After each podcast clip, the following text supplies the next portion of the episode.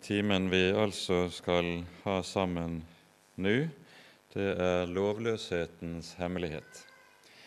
Et tema som henger på det nærmeste sammen med det som eh, er hovedtema for oss disse dagene intet annet evangelium.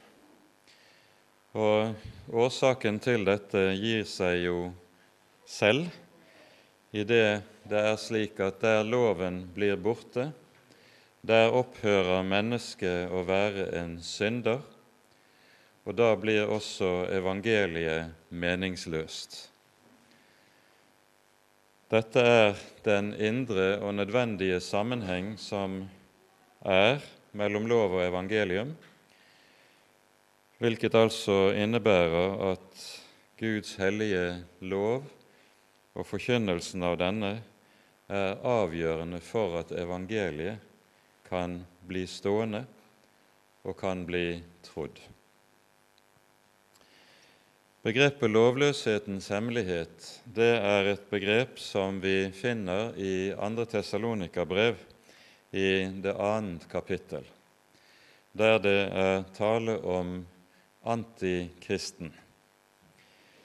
Paulus skriver til menigheten i Tessaloniki i forbindelse med at det tydeligvis har vært entusiastiske predikanter som har eh, vært på besøk, og som har talt slik om eh, Kristi gjenkomst, Kristi annet komme, at det har skapt en stor grad av uro og forvirring i menigheten.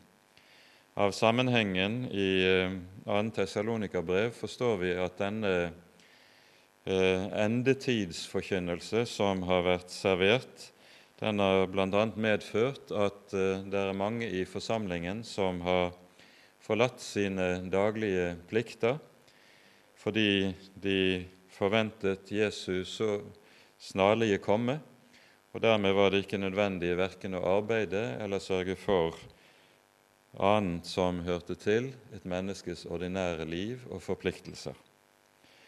Og Så er det altså at Paulus heller kaldt vann i blodet på disse, og jeg tror vi tar oss tid til å lese fra begynnelsen av kapittel 2 i 2. Tessalonika brev.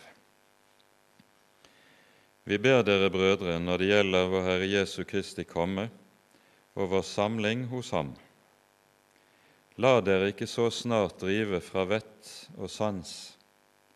La dere ikke skremme, verken ved noen ånd eller ved noe ord eller ved noe brev som sies å komme fra oss, og som går ut på at Herrens dag allerede er her.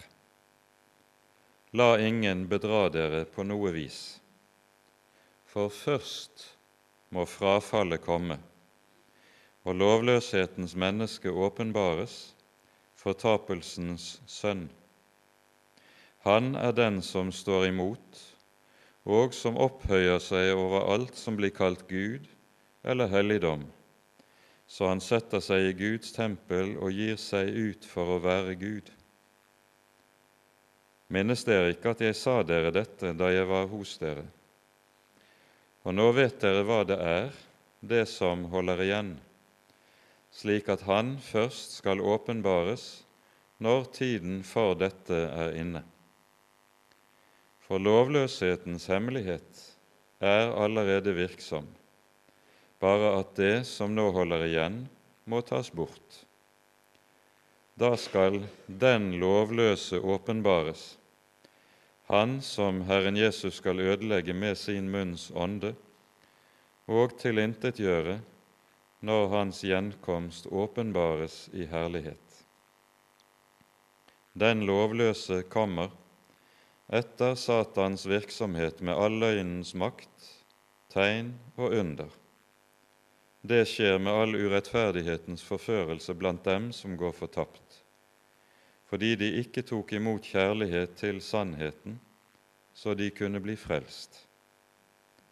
Derfor sender Gud dem kraftig villfarelse, så de tror løgnen, for at de skal bli dømt, alle de som ikke har trodd sannheten, men hadde sitt behag i urettferdigheten. Amen.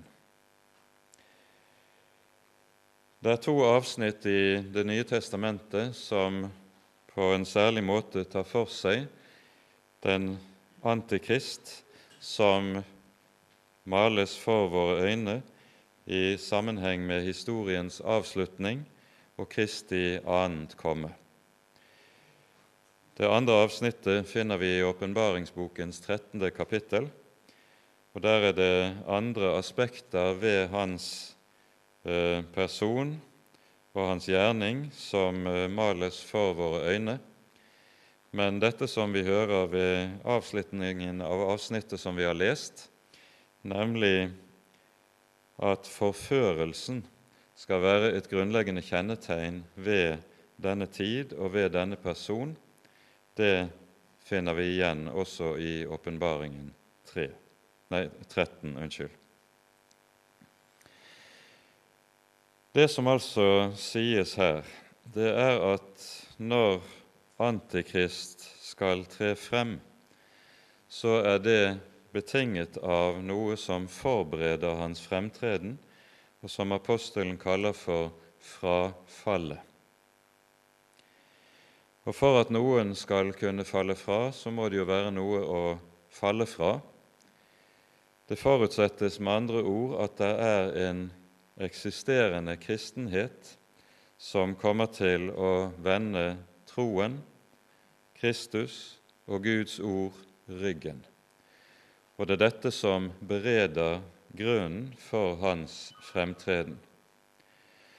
Og det som på grunnleggende vis da skal kjennetegne dette frafall, det betegnes med et begrep som anvendes gjentatte ganger i teksten som vi her har for oss, og det er begrepet lovløshet, anomia et begrep som også Herren Jesus eh, anvender i forbindelse med sin undervisning om de siste ting i Matteus 24. Der hører vi i vers 12.: Fordi lovløsheten tar overhånd, skal kjærligheten bli kold hos de fleste. Noe som etter ordlyden også forutsetter et frafall av lignende karakter som det vi hører om her i Tessalonika-brevet. Nå er det under, et underlig trekk ved det som vi hører i Skriften om de siste ting.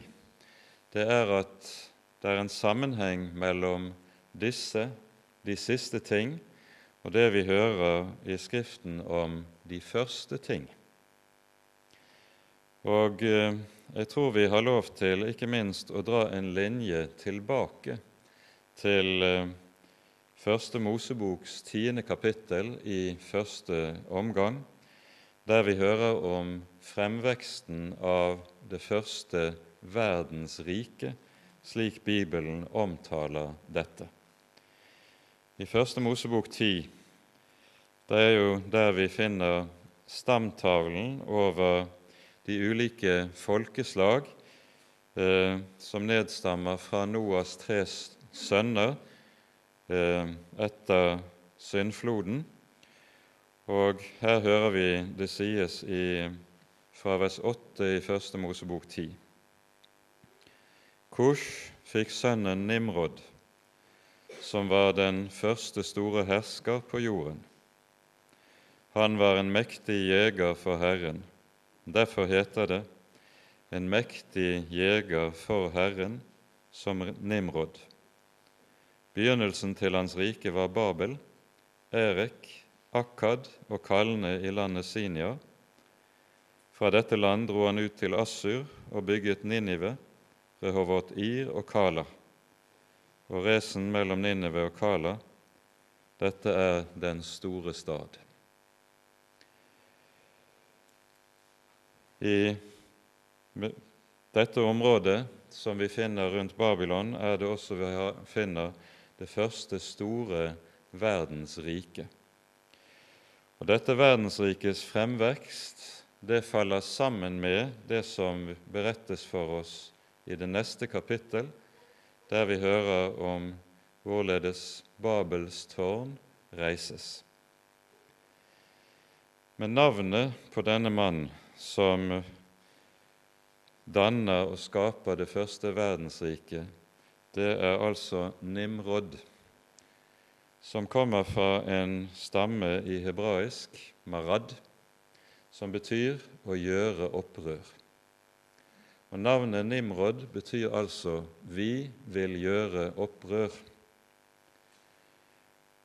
Og så reises Babels tårn, der menneskene sier i forbindelse med dette vi vil gjøre oss et navn, så vi ikke spres over all jorden.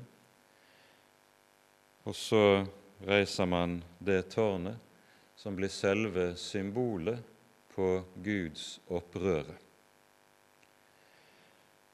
Det er den samme ånd vi møter igjen hos Han som representerer lovløshetens hemmelighet, og som det tegnes bilde av når vi hører om de siste dager og det som hører disse dager til. Vi vil gjøre opprør. Han setter seg i Guds tempel og gjør seg selv Gud lik. For det som kjennetegner dette menneskelige opprør, det er menneskets trang til å tilbe seg selv.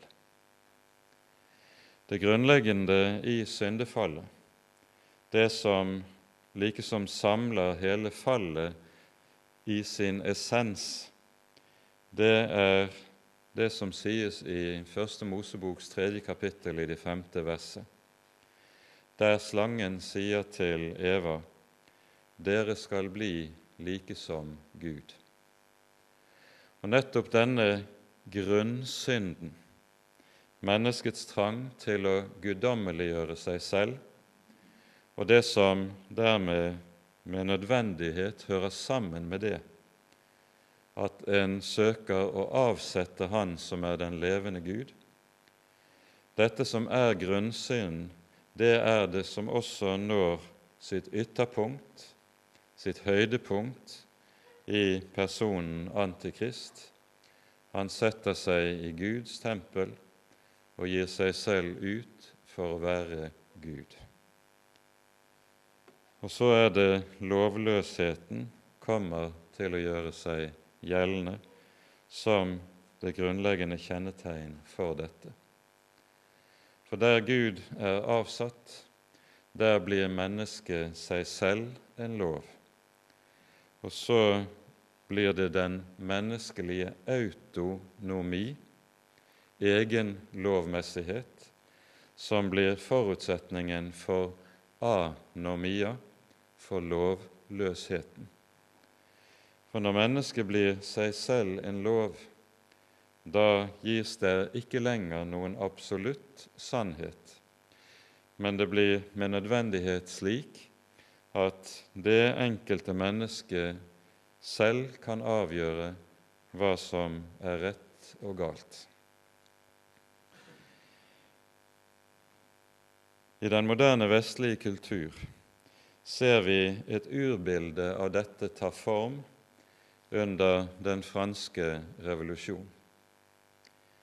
I november 1793, når terroren har begynt under den franske revolusjon, Robespierre råder grunnen, så avholdes det en gudstjeneste i Notre-Dame-katedralen i Paris. Gudstjenesten er ikke for den kristne Gud, for hans symbol, korset og alt som hører det til, er knust og ødelagt i katedralen. I stedet er det slik at det er en kvinnelig skuespillerinne som fremstiller den nye tids Gud.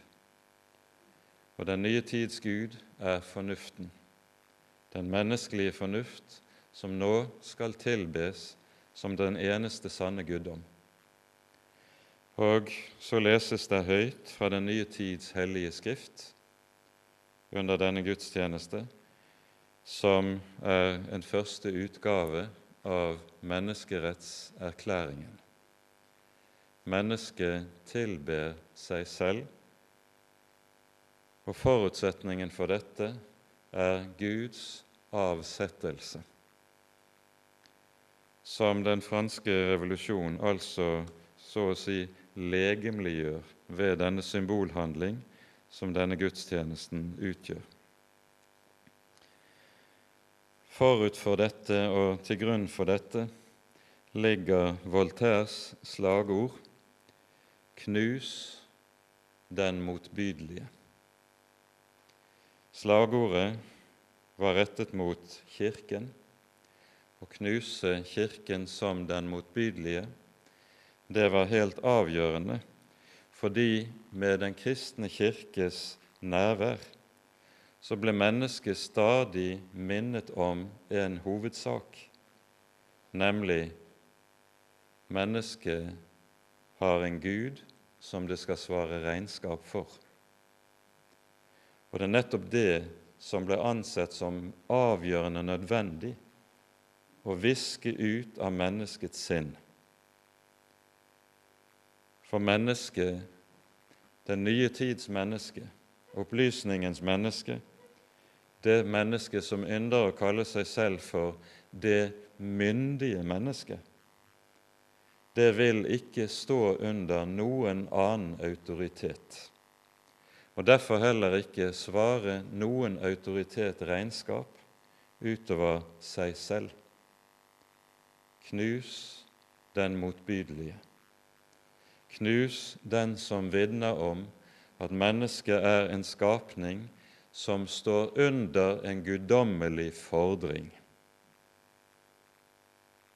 Dette var like som noe av Voltaires slagord, og som den franske revolusjon søker å virkeliggjøre. I Europas kultur tar det 150 200 år før disse ideene for alvor også kommer til å trenge ned i folkedypet og bli en grunnleggende del av det moderne menneskets bevissthet. Men jeg tror vi har lov til å si at det er dette som er tilfellet i dagens vestlige kultur. De ideer som så klart likesom ble legemliggjort ved gudstjenesten i Notre-Dame i 1793. De, de er det som i dag er dominante for de fleste mennesker som lever i dagens vestlige kultur. Gud er ikke en person mennesket skal gjøre regnskap for. Når det moderne mennesket i det hele tatt våger seg til eller ønsker å tale om Gud, så er det er alt snudd på hodet i det det er Gud som skal gjøre regnskap for oss. Det er ikke vi som skal gjøre Gud regnskap. Og så hører vi media og intellektuelle intelligensiaen flamme over av den typen tale som rommer stadig nye anklager mot Gud, og der mennesket gjør seg til Guds dommer. Det er meget målbevisst dette at en har snudd alle ting på hodet. Mennesket står over den levende Gud, ikke under ham. Og hvis mennesket i det hele tatt ønsker, det moderne mennesket ønsker å ha med Gud å gjøre, så må det være en Gud som står der på mine premisser, på mine betingelser, intet annet. Vil ikke Gud innrette seg etter min tanke, så kan det bare være da klarer jeg meg godt foruten. Jeg tror dette, om det enn er spissformulert, så griper det på mange måter det som er kulturbildet og kultursituasjonen i det moderne Vesten og det moderne vestlige menneskets religiøsitet. Og Dermed så ser vi også hvorledes lovløsheten gir seg som en nødvendig konsekvens av det samme. For når mennesket er seg selv en lov, da, gir, da er det ikke lenger noen Gud som er en dommer. Svarende til dette så har de moderne vestlige kirker også kommet til å omdefinere hele sitt budskap til det moderne mennesket. For gis det ikke lenger en lov som anklager, en Gud som dømmer, da er mennesket ikke lenger en synder som trenger nåde. Og hva skal man da med Gud? Jo, den Gud som dermed tegnes for menneskene, det er en Gud som skal hjelpe meg med mine problemer. En Gud som vær så god skal stille opp når jeg har det vanskelig i livet, når jeg lider, og hvis han ikke det gjør, så lyder de radikale og brutale anklagene mot den levende Gud. Gud blir terapeut. Gud blir omsorgsperson. Og Jesus det samme. Han blir ikke frelser. Og nettopp dette som her har skjedd i en stor del av de vestlige kirker, dette kom jo så radikalt til uttrykk hos oss i Norge i det som skjedde etter 22. juli. Hva slags gudsbilde var det som ble tegnet fra prekestolene i Den norske kirke. Jesus var fortiet, for en frelser trenger man overhodet ikke. Men Gud var en som vær som god skulle stille opp som en trøster og en terapeut i nøden. Det var en annen Gud. Det var det moderne menneskets lovløshet som kom til uttrykk og jeg tror vi med full rett har lov til å si at dette gudsbildet som slik males for oss, det er et gudsbilde som på grunnleggende vis tegner en annen religion og hviler i en annen religion. Dette er det dype og radikale alvor i den endring som har skjedd gjennom de senere år, de senere årtier, som en frukt av at Kirken har vært meget flink til å lytte på det som skjer i tiden, meget flittig til å så å si stille seg inn på den bølgelengde som tidsånden sender på, og så tilpasse seg deretter. Lovløshetens hemmelighet er allerede virksom. Når Paulus skriver dette slik som vi hører det i 2. Um, Tessalonika-brev, så har han vel antagelig i tanke den gnostisisme som allerede har begynt å løfte hodet i uh, det første hundre år og kommer til å gjøre seg sterkere gjeldende. Deler av gnostisismen var nettopp antinomistisk, eller la oss kalle den libertinistisk. Og Gjennom Kirkens historie så har antinomismen, fiendskapet mot Guds hellige lov, stadig kommet til å dukke opp igjen i historien, men da stort sett som randfenomener i Kirken. Det som er nytt i vår egen tid, i vår egen kultur, er at dette ikke lenger er et randfenomen, men at dette er blitt så å si noe av det som utgjør selve grunntonen i den tid og den kultur som vi lever i.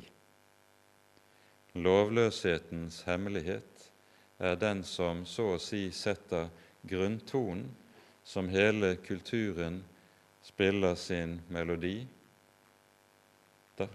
etter og danser efter. Hva er det så som preger antinomismen? Jeg tror vi må ha lov til å peke på et par grunnleggende hovedsaker som hører sammen med dette. For det første er det jo slik at når Gud er avsatt, og mennesket blir seg selv en lov, så vil hele kulturen komme til å bli pluralistisk. Vi hørte en del om det i går kveld når eh, Daniel talte om intet annet evangelium.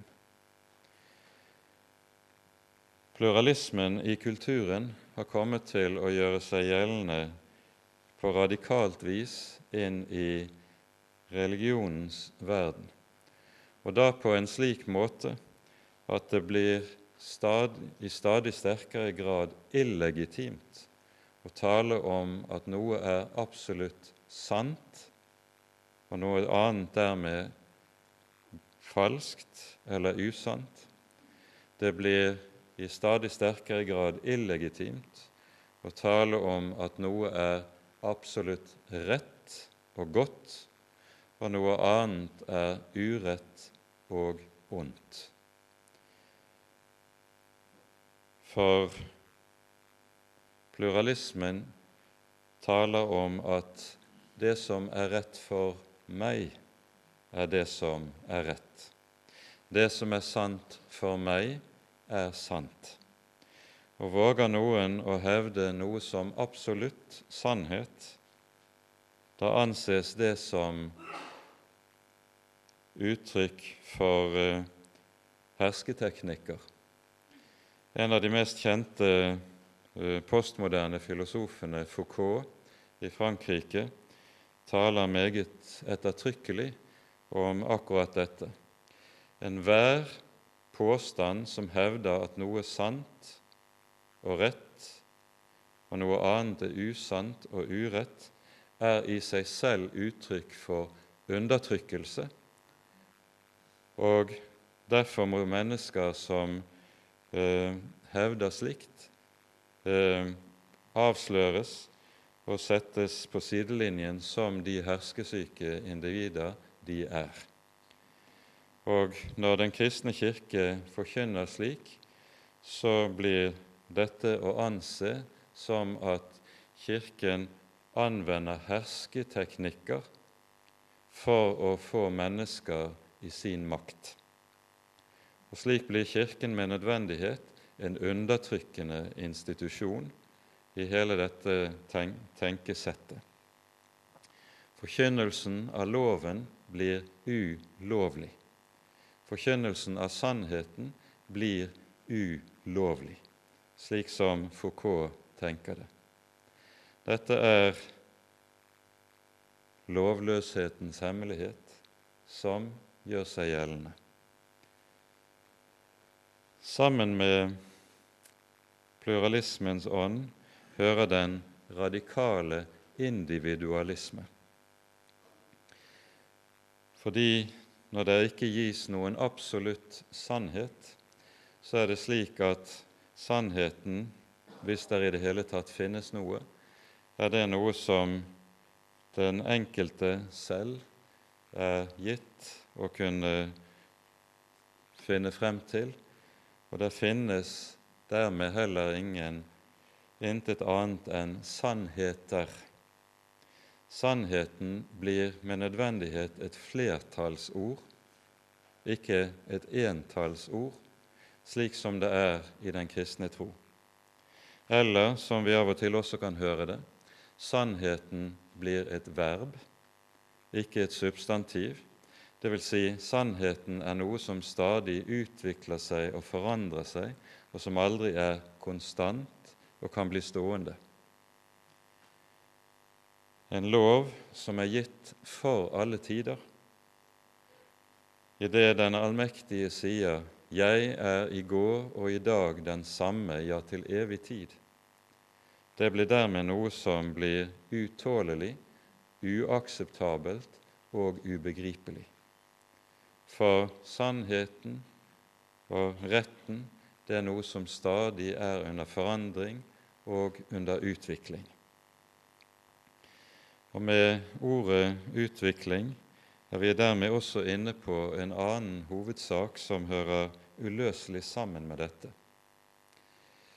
Noe av det som var drivkraften bak gudstjenesten i Notre-Dame i 1793, var hatet mot den gamle tro, den gamle religion. Det som rådet grunnen, var troen på fremskrittet, troen på mennesket, troen på at det fornuftsstyrte mennesket skulle klare å utvikle seg videre mot utopier. Og disse utopiske fremtidsdrømmene som hvilte i troen på mennesket, og som du finner eh, i sin kjerne i opplysningstiden, det er disse drømmene som har gjort seg gjeldende i ideologiene i forrige århundre, ideologiene som nok drømte om utopia, men omgjorde verden til et forferdelsens sted. I krigene, i konsentrasjonsleirene, i gulagene. Der troen på mennesket erstatter troen på den levende Gud, der reduseres mennesket til et dyr, og menneskeverdet går i realiteten under. Og så har vi det som er blitt det den moderne tids holocaust som en nødvendig og gitt konsekvens av dette, der barnet i mors liv drepes i milliontall over hele vår klode. Lovløshetens hemmelighet er virksom. Sammen med alt dette som vi her er inne på, står altså det myndige mennesket, som uh, har avskaffet den hellige Gud. Og dette, i dette så ser vi et, unnskyld, et annet trekk ved den moderne vestlige kultur, som også er ganske iøynefallende hvis en først har fått øye på det. Den moderne vestlige kultur er den første kultur i historien der intet er hellig. Intet er hellig. Alle kulturer tidligere i historien har hatt noe som har vært aktet for hellig og behandlet deretter. Hvilken religion det enn er som har rådet grunnen i kulturene. Det har alltid vært noe som har vært holdt for og aktet som hellig. Den moderne vestlige kultur er den første kultur der intet er hellig. For slik må den med nødvendighet gå der mennesket skal tilbe seg selv, der devisen er 'Vi vil gjøre opprør'. Og så kan en stille seg spørsmålet hva er det Den kristne kirke kan og skal gjøre i møte med en slik kultur? Jeg tror noe av det mest avgjørende som ligger der, og som er nødt til å bli en avgjørende side ved forkynnelsen, det er å fremholde Gud som skaperen. For der mennesket blir skapning, der blir mennesket også et vesen som står under sin skaper, og dermed må lære seg hva det er å svare regnskap. Hva det er å stå under Gud som den øverste Herre og myndighet. Jeg tror derfor at skapelsesteologien er helt avgjørende, og første trosartikkel er helt avgjørende å holde frem i møte med denne side ved vår kultursituasjon. Samtidig som vi dermed også står overfor et annet problem som jo aktualiseres ved hele moderniteten, og det er det moderne menneskets tro på evolusjon. I det det jo er slik at evolusjonslæren ikke bare er en vitenskapelig teori som de aller fleste på Parnasset tror på og holder seg til, men evolusjonslæren er også en ideologi som styrer tankegangen om hvorledes en ser på skaperverket, styrer virkelighetsforståelsen, styrer ikke minst forståelsen av hvem mennesket er. Og Så blir det også i denne sammenheng avgjørende at Den kristne kirke holder frem talen om den levende Gud som skaperen. Så får vitenskapen og vitenskapsmennene drøfte det som har med den vitenskapelige teori å gjøre. Men det ideologiske element i evolusjonslæren, som jo er uttrykk for en trosholdning og en virkelighetsforståelse, det er noe som Den kristne kirke aldri kan bøye seg for, men tvert om er nødt til å konfrontere meget radikalt. For fornektelsen av Gud som skaper, det er nettopp en avgjørende side ved hele antinomismen. Lovløshetens hemmelighet er allerede virksom.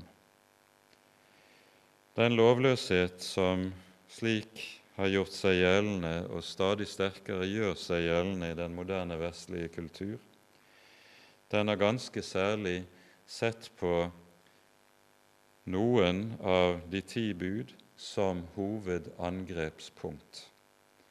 Ganske særlig har det vært seksualetikken, ekteskapet, det sjette bud, som har stått som angrepsobjekter for den moderne tid. I det hele det moderne prosjekt sin selvforståelse har bestått i det at en ser på moderniteten som et frigjøringsprosjekt. Du møter allerede noe av det samme i det gamle Israels historie, i, noe, i det Israel er inne i sin dypeste frafallstid, i forbindelse med det vi hører om kong Manasseh,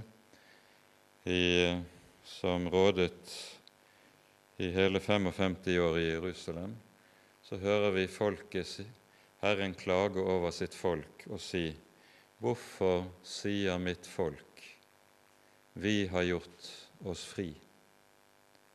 Har jeg vært et belgmørke for dere? Hvorfor sier mitt folk, vi har gjort oss fri? Det var som om de oppfattet Gud som en som var ond og ville dem ondt en som satte grenser for deres livs utfoldelse, og derfor måtte de gjøre seg frie. Og ved å vende Israels Gud ryggen og falle ned for Baal, så kunne de gjøre som de lystet, og samtidig lukket de øynene for forbannelsen som uvegerlig måtte gjøre seg gjeldende for syndens lønn er døden. Forbannelsen følger i fotsporene på at den hellige lov blir brutt. Vi vet alle hvorledes det å bryte grenser, det å skulle gjøre seg fri, det er en del av det moderne menneskets drøm og selvforståelse. Og en kirke som derfor forkynner lov, anses dermed også med nødvendighet som en kirke som hemmer og ødelegger menneskets mulighet for å realisere seg selv. For frigjøringsprosjektet handler jo nettopp om det. Jeg vil realisere meg selv og utfolde meg selv, og ingen, og i hvert fall ingen Gud, tillates å sette grenser for denne livs utfoldelse.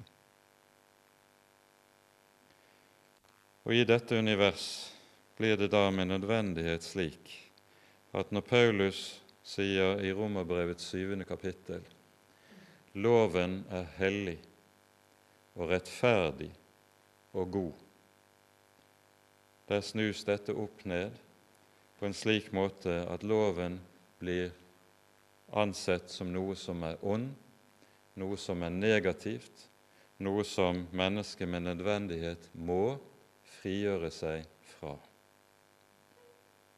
Lovløshetens hemmelighet er allerede virksom. Der loven blir ond og bedømt som ond, blir det med nødvendighet også slik at han som er lovens giver, faller under samme dom. Og Derfor er det vi også hører stadig de harske ord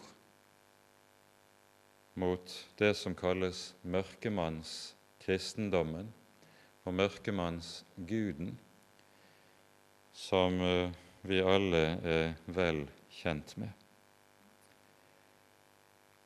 Dersom Guds hellige lov forstummer, vil imidlertid også frelsen bli borte for oss og vi mister det som er selve livet. For dersom Guds hellige lov blir borte, der mister mennesket muligheten til å kjenne seg selv sant. For det er kun gjennom loven der gis det rette selvkjennskap som også betinger frelse. Og så betyr det at skal evangeliet forkynnes rett, skal evangeliet bli til liv og til lys for mennesker, så må også loven lyde, og lyde klart fra den kristne kirke. Og så blir det avgjørende nødvendig for den kristne kirke å være seg bevisst at skal den få lov til å bli bevart ved det som er selve kjernen i troen og i budskapet, så blir den også nødt til å holde frem Guds hellige lov i all sin fylde, som det den er, hellig, rettferdig og god. I et av de kapitler i, hos profeten Jesaja der Messias males sterkt og tydelig for våre øyne, lyder det også slik. Det er Herrens vilje å gjøre loven stor og herlig for sin rettferdighets skyld. Det tror jeg kanskje ganske særlig er et ord for vår tid. Et ord for en kirke som lever i den tid der lovløshetens kirke, der lovløshetens hemmelighet gjør seg gjeldende. Og Med det sier jeg takk for oppmerksomheten.